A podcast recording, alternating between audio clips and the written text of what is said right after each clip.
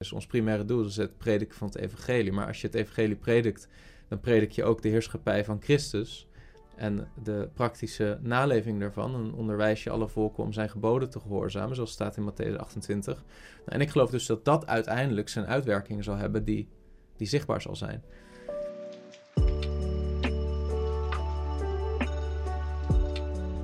Ik ben Timon Assies. Ik ben een student. Ik studeer uh, aan het VIA in Zwolle. Ik doe daar uh, de theologieopleiding. En voor een opdracht moet ik uh, ja, een kerkelijke leider interviewen en wat vragen stellen over de kerk. Over de betekenis van de kerk en ook ja, over haar rol in de samenleving.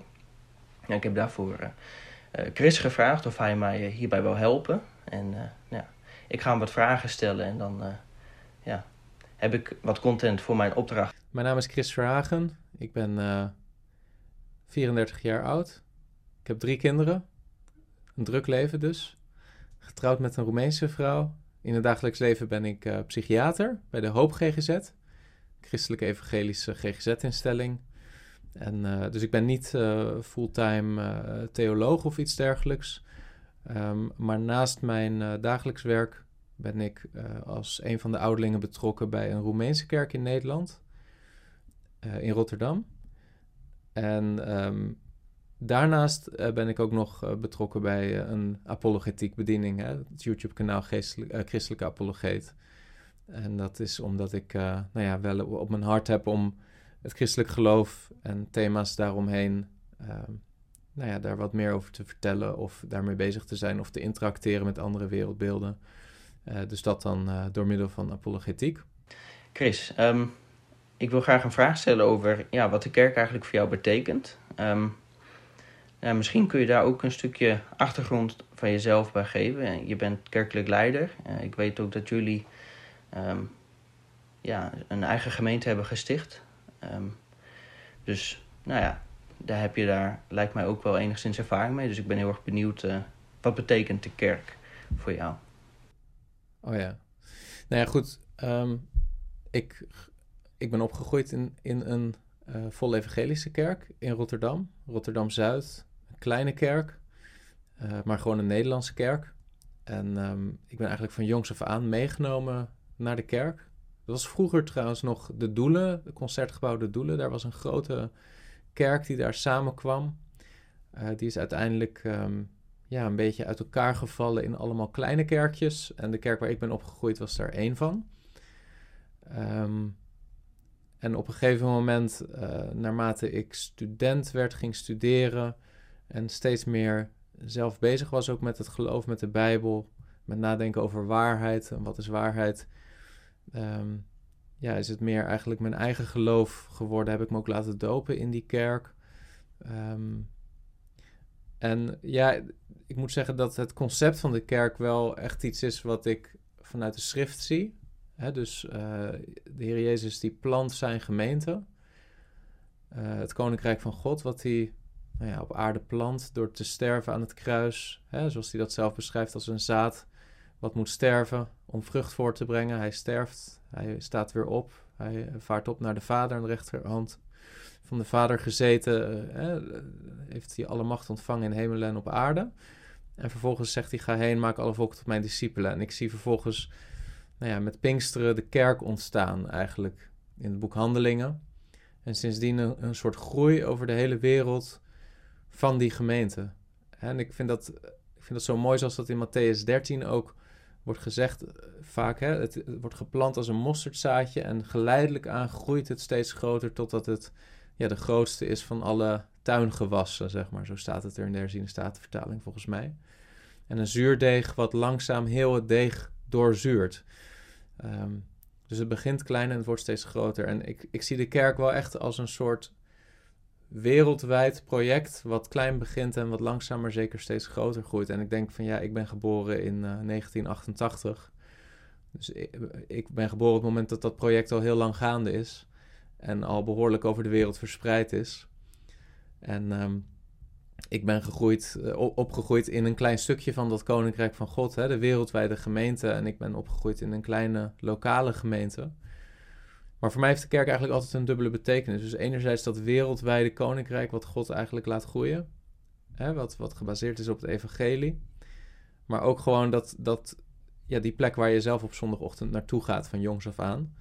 En op een gegeven moment nu dan sinds een paar jaar uh, ja, de gemeente waar ik zelf bij ben betrokken geraakt en uh, mag dienen. Dus dat, de gemeente heeft eigenlijk twee betekenissen voor mij in die zin. Gewoon praktisch hoe ik het ervaar, zeg maar. Ja.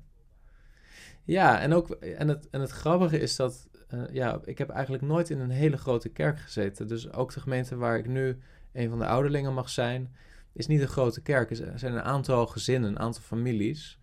En, de, en, de, gemeente heeft dan ook echt wel meer en meer de betekenis gekregen, ook van gemeenschap, zeg maar. Hè? Dicht bij elkaar leven, uh, samen maaltijd houden, samen groeien in het woord van God. Uh, maar ook gewoon een stukje gemeenschap. Ja, meer dan alleen maar um, YouTube preken of zo, hè? Waar, je gewoon ook naar kan luisteren en dan hoor je de beste preken van uh, John MacArthur of Paul Washer of nou noem ze maar op, James White. Maar uh, ik zie echt dat de lokale gemeente als meer dan dat. Wat denk jij dat de primaire rol van de kerk is? Ik denk dat de primaire rol van de kerk is om de heerlijkheid van God te weerspiegelen. En dat is eigenlijk het antwoord op bijna elke vraag over wat het doel is van de schepping. Ik denk uiteindelijk dat heel de schepping dat als grootste doel heeft, om God te verheerlijken. En ik denk dat God verheerlijkt wordt doordat wie hij is weerspiegeld wordt in uh, wie wij zijn. Hm. Hè? En, en dat niet alleen maar op een individueel niveau, maar ook een relationeel niveau. Dus daar waar God zichzelf openbaart als Vader, Zoon en Heilige Geest. Hè? En heel duidelijk wordt: de Vader heeft de Zoon lief, de Zoon heeft de Vader lief. De Vader verheerlijkt de Zoon, de Zoon verheerlijkt de Vader. God is liefde. Hè? De Vader heeft de Zoon lief, de Zoon heeft de Vader lief. De Heilige Geest neemt uit hetgene van de Zoon en verkondigt het. Dus je ziet, zeg maar, in, in de godheid zie je een relatie van liefde. En ik geloof dat um, de gemeente als belangrijkste doel heeft om dat te weerspiegelen. Hm. Ja, dus de Heer Jezus zegt ook, ze zullen u herkennen als mijn discipelen doordat u liefde hebt onder elkaar. En ik geloof dat dat ten diepste God verheerlijkt, wanneer zijn natuur wordt weerspiegeld in de gemeente. Dus dat zie ik als het, het hoofddoel, zeg maar. En natuurlijk zijn er allerlei uh, aspecten die je daar uh, verder kunt uh, benoemen. Maar dat is wel denk ik het grootste doel. Hm. En dat gaat verder dan alleen maar projecten of zo. Of um, dat wat een kerk doet aan activiteiten. Dat is natuurlijk allemaal niet onbelangrijk. Maar ten diepste gaat het om het weerspiegelen van wie God is in relaties, denk ik. Dus dan uh, zeg je impliciet dat het ook heel erg belangrijk is dat je in een gemeente elkaar kent en uh, ja, yeah. dagelijkse gemeenschap ervaart of wekelijkse. Ja, kijk, de frequentie van de gemeenschap is denk ik niet het belangrijkst. Maar het is wel belangrijk om je bewust te zijn dat de gemeente meer is dan alleen een plek waar je samen naartoe gaat om een preek te beluisteren. Hm. En dat, dat hebben wij in onze Romeinse gemeente ook wel steeds meer de laatste tijd op ons hart gekregen. Hè, we, we, hebben wel wekelijks gewoon bijbelverklarende prediking. En uh, denk ik goede aanbiddingsliederen met theologisch verantwoorde teksten, gebedsmomenten. En tegelijkertijd hebben wij heel sterk op het hart gekregen, ook de laatste maanden, om meer gemeenschap te bouwen in de kerk. Hm. En voor ons is dat uh, een manier waarop we dat praktisch proberen te organiseren. Nu is dat we twee keer per maand op zondag als gemeente samen maaltijd houden. Hm. Hè, dus dan hebben we dienst um, en dan na de dienst, ofwel direct na de dienst, uh, dan wel in de avond, hebben we maaltijd met elkaar. Uh, en um, nou ja, één keer per maand doen we dat op zo'n manier dat iedereen wat meebrengt naar de kerk en je dan vervolgens samen gaat eten. Hm. En tijdens dat eten merk je dan soms ook dat je dichter bij elkaar komt, maar ook dat, je dan, dat er een soort sfeer ontstaat waarin je gaat praten over de dingen die je echt bezighouden. En dat, uh, ja, wij ervaren wel heel sterk daar een zekere verdieping in. En uh, er was een tekst die wij lazen als gemeente die daar ook wel in speelde, zeg maar. En dat was het verhaal van de Emmausgangers. Dat op een gegeven moment, hè, de Emmausgangers na de opstanding van Jezus, zij weten nog niet dat Jezus is opgestaan. Zij wandelen als twee discipelen naar Emmaus. En dan op een gegeven moment wandelt de Heer zelf tussen hen, maar ze herkennen hem niet. En hm. de Heer Jezus begint dan eigenlijk uit de Oude Testamentische geschriften te vertellen over ja, de, de Messias. Moest hij niet lijden en uh, op die manier zijn heerlijkheid ingaan. Maar ze herkennen hem nog steeds niet, ondanks dat hij dat dan allemaal vertelt. En dan vervolgens dan stoppen ze. En dan doet Jezus alsof hij door wil lopen. En dan zeggen ze: Nee, blijf alsjeblieft bij ons, want het is al avond. En dan komt de Heer Jezus binnen en dan hebben ze een maaltijd met elkaar. En dan breekt Jezus het brood. En op dat moment herkennen ze hem. Hm. En dat was voor ons ook wel een, ehm, nou, iets wat, wat we in de gemeente, denk ik, naast onze gemeente legden. Van ja, wij zijn toch wel veel bezig met Bijbelstudie. We zijn wel veel bezig met uh, de schrift begrijpen. Maar dat samen eten, dat missen we nog. Dus Hm. dat hebben we, daar zijn we mee begonnen. Dus dat, we proberen dat meer en meer te bouwen. Ja. Erg leuk. Klinkt erg, erg mooi en eh, fijn, ja. Wat is de plaats van de kerk in de samenleving? Ah ja, ja. En da- je bent geïnteresseerd in mijn mening daarover, of, eh, want dat is wel een grote vraag, hè? Dat is natuurlijk ook in de Reformatie een grote vraag geweest, zeg maar. Wat is de relatie van de kerk tot de staat? Ja, Moet, eh, plannen we sowieso een theocratie of... ja, nou, ik heb er wel een soort visie op. Ik weet niet of dat, dat is niet altijd mijn visie geweest en ik weet ook niet of dat, dat altijd mijn visie zal blijven, maar ehm, dat is ook een beetje gekoppeld aan mijn visie op eschatologie en ehm, mijn perspectief van postmillennialisme. Maar wat ik geloof, wat de Heer Jezus onderwijst, is dat het koninkrijk van God, net als dat die gelijkenis in Matthäus 13 die hij geeft, het koninkrijk is als een zuurdeeg. Hè? En ik zie daarin de gemeente als de meest concrete belichaming van dat koninkrijk hier op aarde. Dus of dat je nu hebt over de wereldwijde gemeente of de lokale gemeente. Wanneer de Heer Jezus in Matthäus 13 spreekt over het koninkrijk der hemelen, zie ik daarin eigenlijk als belangrijkste, nou ja, concrete interpretatie daarvan de gemeente. Ehm, als je dan kijkt naar wat Jezus zegt van het koninkrijk der hemelen is als een zuurdeeg dat een vrouw nam en ze vermengde het in drie maten bloem of meel. En vervolgens ehm, ja, vermengt dat zuurdeeg met dat meel, zodat het hele deeg doorzuurd wordt. Ehm, wat ik geloof dat de Heer Jezus daar zegt, is dat het koninkrijk, eh, ook al begint het klein, hè, de gemeente is vaak, eh, zeker in het begin, iets kleins geweest, iets insignificants, eh, maar wel iets levends. Hè. Een zuurdeeg is ook levend natuurlijk, is, eh, ja, gist, die, ehm, die, die uiteindelijk levend is en groeit en alles beïnvloedt eh, van dat deeg. En waardoor er ook ja, lucht ontstaat en het wat gaat opzwellen, zeg maar. Dat is waarvoor zuurdeeg natuurlijk wordt gebruikt. Tenminste, vandaag de dag kopen mensen zakjes Dr. Oetker natuurlijk. Maar zuurdeeg in die tijd was, was wel echt gewoon een levend iets wat je ook moest, ja, moest, bijna moest kweken, zeg maar. Hè? Mensen Mm. doen het nog steeds soms thuis.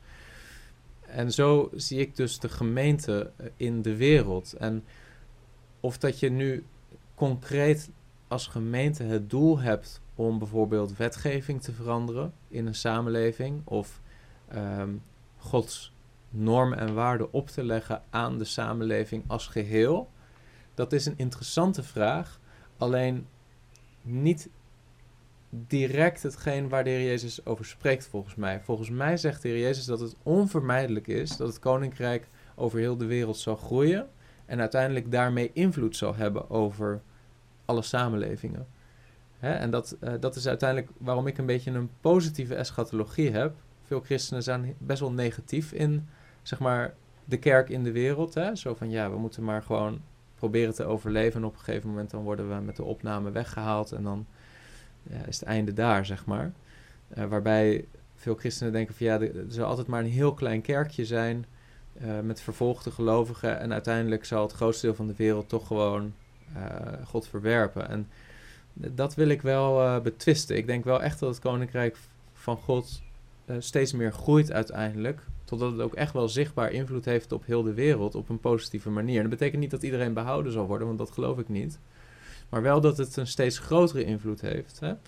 En ehm, ja, of dat je nu. eh, kijk, ik geloof niet dat wij als christenen eh, onze wetgeving moeten opleggen eh, aan mensen die daar qua hartgesteldheid niet achter staan. Mhm. Maar ik geloof dat de prediking van het evangelie uiteindelijk succesvol zal zijn in de wereld, waardoor steeds meer mensen een gelijke hartsgesteldheid zullen hebben. Hè? En dat wat er eh, ook in Habakkuk staat, de kennis van de Heer zal de aarde vervullen zoals de wateren de zee. Hè, dus dat, dat zal onvermijdelijk met zich meebrengen dat samenlevingen daardoor beïnvloed worden. Hm. Ehm, mijn, mijn, ik ben er niet van overtuigd dat wij soort van als christenen, en dat zie ik Jezus ook niet doen, uh, gericht moeten zijn op politieke macht uh, bereiken. Maar ik denk wel uiteindelijk dat, dat de gemeente steeds meer invloed zal hebben, ondanks dat dat misschien niet ons primaire doel is. Ons primaire doel is het prediken van het evangelie. Maar als je het evangelie predikt, dan predik je ook de heerschappij van Christus en de praktische naleving daarvan. Dan onderwijs je alle volken om zijn geboden te gehoorzamen, zoals staat in Matthäus 28. En ik geloof dus dat dat uiteindelijk zijn uitwerking zal hebben die, die zichtbaar zal zijn. Hm. Dus dat, dat is een beetje mijn, hoe ik daarin sta. En hoe je dat dan praktisch kan zien, ja... Ehm, kijk, onze gemeente is heel klein, heeft helemaal geen invloed of zo. Wij zitten in Rotterdam, maar het is niet dat wij uh, contact hebben met uh, Abu Taleb of zo... en uh, iets te zeggen hebben over het beleid in, in Rotterdam. Dus wij zijn maar een heel klein celletje in dat wereldwijde lichaam van Christus. En tegelijkertijd ja, bestaat de wereldwijde gemeente van Christus inmiddels wel uit miljarden mensen. Hm. Of in elk geval miljoenen mensen. En, en ook wel miljarden als je kijkt naar wie zichzelf als christen identificeren. Los van of dat ze het echt zijn. Dus de gemeente, dat kan je niet ontkennen, is vanuit een groepje ja, van 70 tot 100 christenen in een bovenzaal op de Pinksterdag gegroeid tot nou, wereldwijd miljoenen, miljoenen mensen. Dus zo zie ik dat een beetje. Ja, ja bedankt. Ja, ik, ik deel zelf de visie van dat we inderdaad niet onze christelijke wetten per se moeten opleggen aan anderen. Dan lijkt het ook wel alsof je weer een wet op gaat leggen. En juist uh, biedt het evangelie een heel andere kant aan uh, innerlijke verandering. En daar inderdaad tot doelen in plaats van uh, ja, uiterlijke wetgevingen en zo. Niet dat wetten per se fout zijn, maar... Um, nee, maar het moet van binnenuit komen inderdaad. Precies, ja. Het, begint bij wedergeboorte. Het begint bij gewoon de prediking van de boodschap van het evangelie. Maar ja, als op een gegeven moment natuurlijk toch wel een significant deel van een samenleving opnieuw geboren wordt... Ja, dan gaat dat natuurlijk wel zijn invloed hebben op hoe mensen hun werk doen, hoe huwelijken eruit zien, hoe gezinnen eruit zien en uiteindelijk hoe een samenleving eruit ziet.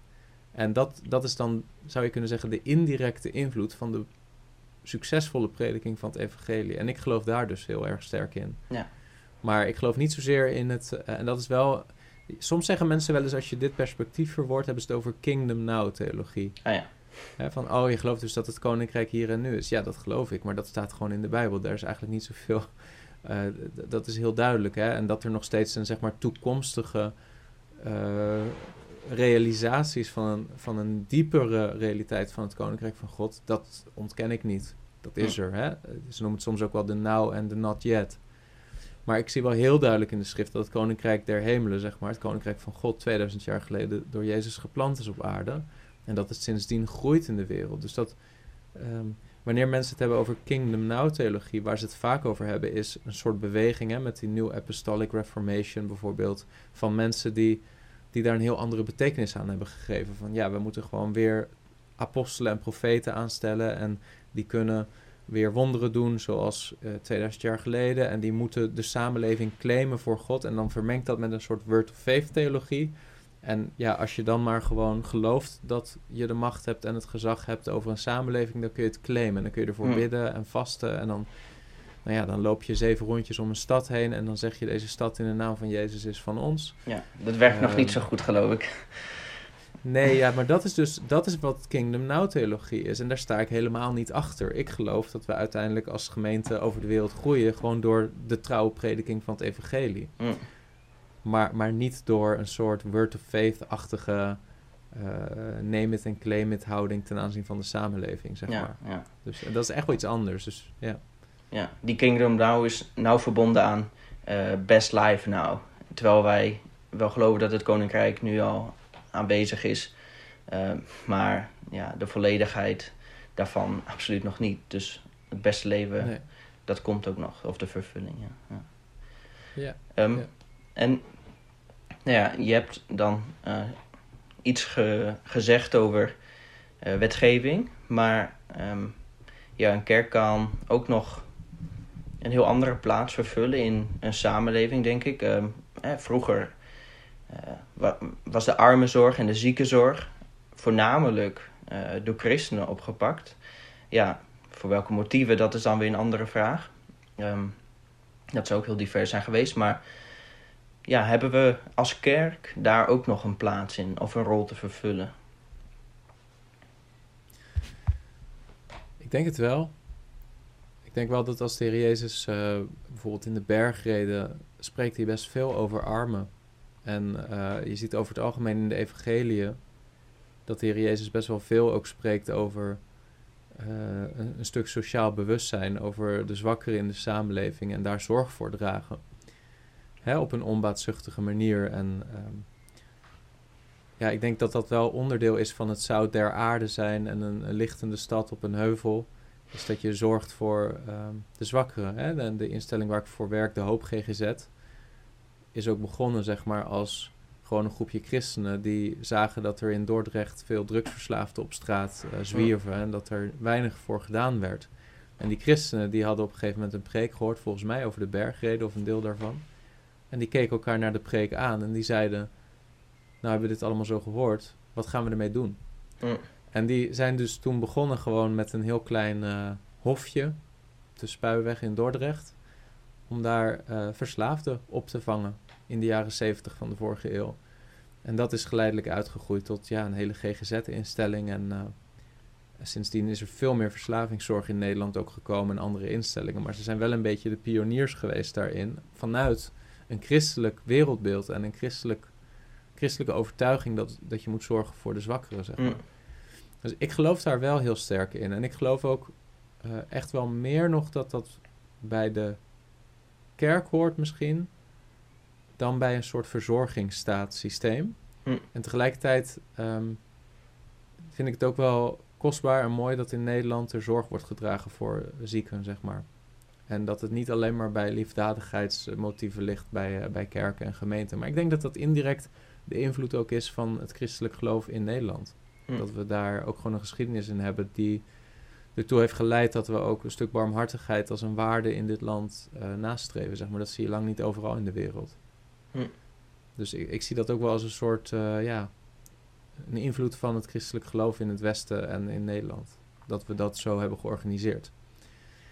En tegelijkertijd ja, moet je ook wel weer oppassen dat je, in, zeker op staatsniveau, niet tot een soort uh, communistische uh, samenleving komt. Want dat, dat komt weer vanuit een heel ander soort wereldbeeld. Um, en ik denk dat er ook wel bijbelse principes zijn, zoals wie niet werkt zal niet eten. Hè? Dat uh, het echt wel belangrijk is dat mensen gemotiveerd zijn om zo goed als kan te werken. Maar je hebt gewoon altijd mensen die door ziekte, door zwakheid, door omstandigheden in het leven niet in staat zijn om dat te doen. En het is ja, goed als je daar zorg voor draagt. Zorg voor draagt. Hè? Het zij als kerk, het zij als uh, overheid. Ik denk dat ze allebei daar een rol in hebben te vervullen. Hm. Denk ik. Ja. Hm. Ja. Maar uh, ja, hoe wij dat handen en voeten geven in de Roemeense kerk, uh, kijk, in Nederland vind ik het best lastig als gemeente, omdat er dus zoveel door de overheid wordt gedaan. Er zijn landen waar je als kerk gewoon echt het verschil maakt, zeg maar. En in Nederland heb je dat gevoel wat minder als het gaat om gewoon de basale levensbehoeften. Hè, want er ja, zijn overal voedselbanken. Uh, je kan een uitkering aanvragen. Uh, dus ik denk in de Verenigde Staten dat het wat dat betreft, dat ze daar veel meer met liefdadigheid het verschil maken als kerken bijvoorbeeld. met een soepkeuken of zo. Hm. Ehm, en misschien in Nederland dat dat wat minder ehm, het geval is. In onze Roemeense kerk proberen we wel heel bewust gewoon um, ja, Roemenen die in Nederland zijn, bijvoorbeeld door dat samen maaltijd houden, gewoon met het gesprek aan te gaan en te kijken van ja, wat heb je nodig? Is dat praktische hulp? wij hebben niet uh, diakenen, daar zijn we eigenlijk te klein voor. Maar uh, als we zouden groeien, denk ik wel dat dat belangrijk zou zijn om iemand te hebben in de gemeente die ook echt even praktisch meedenkt van wat heeft iemand nodig op dit moment. Ja. En hoe kunnen we iemand praktisch helpen, zeg maar. Hm. Ja. Mooi. En daarbij moet je er ook wel weer voor zorgen dat daar geen misbruik van gemaakt wordt of zo. Want dat gebeurt ook hoor.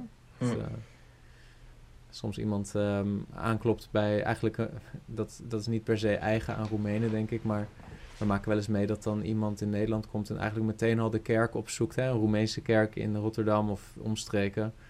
En eigenlijk meteen al allerlei praktische steun vraagt. Um, ja, da daar moet je wel wat voorzichtig mee zijn, zeg maar. Ja, dat lijkt me wel lastig om te onderscheiden ook. Uh, oh ja, of, of ja. ja. Hoe ja, ga je mee veel contact met andere gemeenten ook. Met andere Roemeense kerken in, uh, in België, in Turnhout.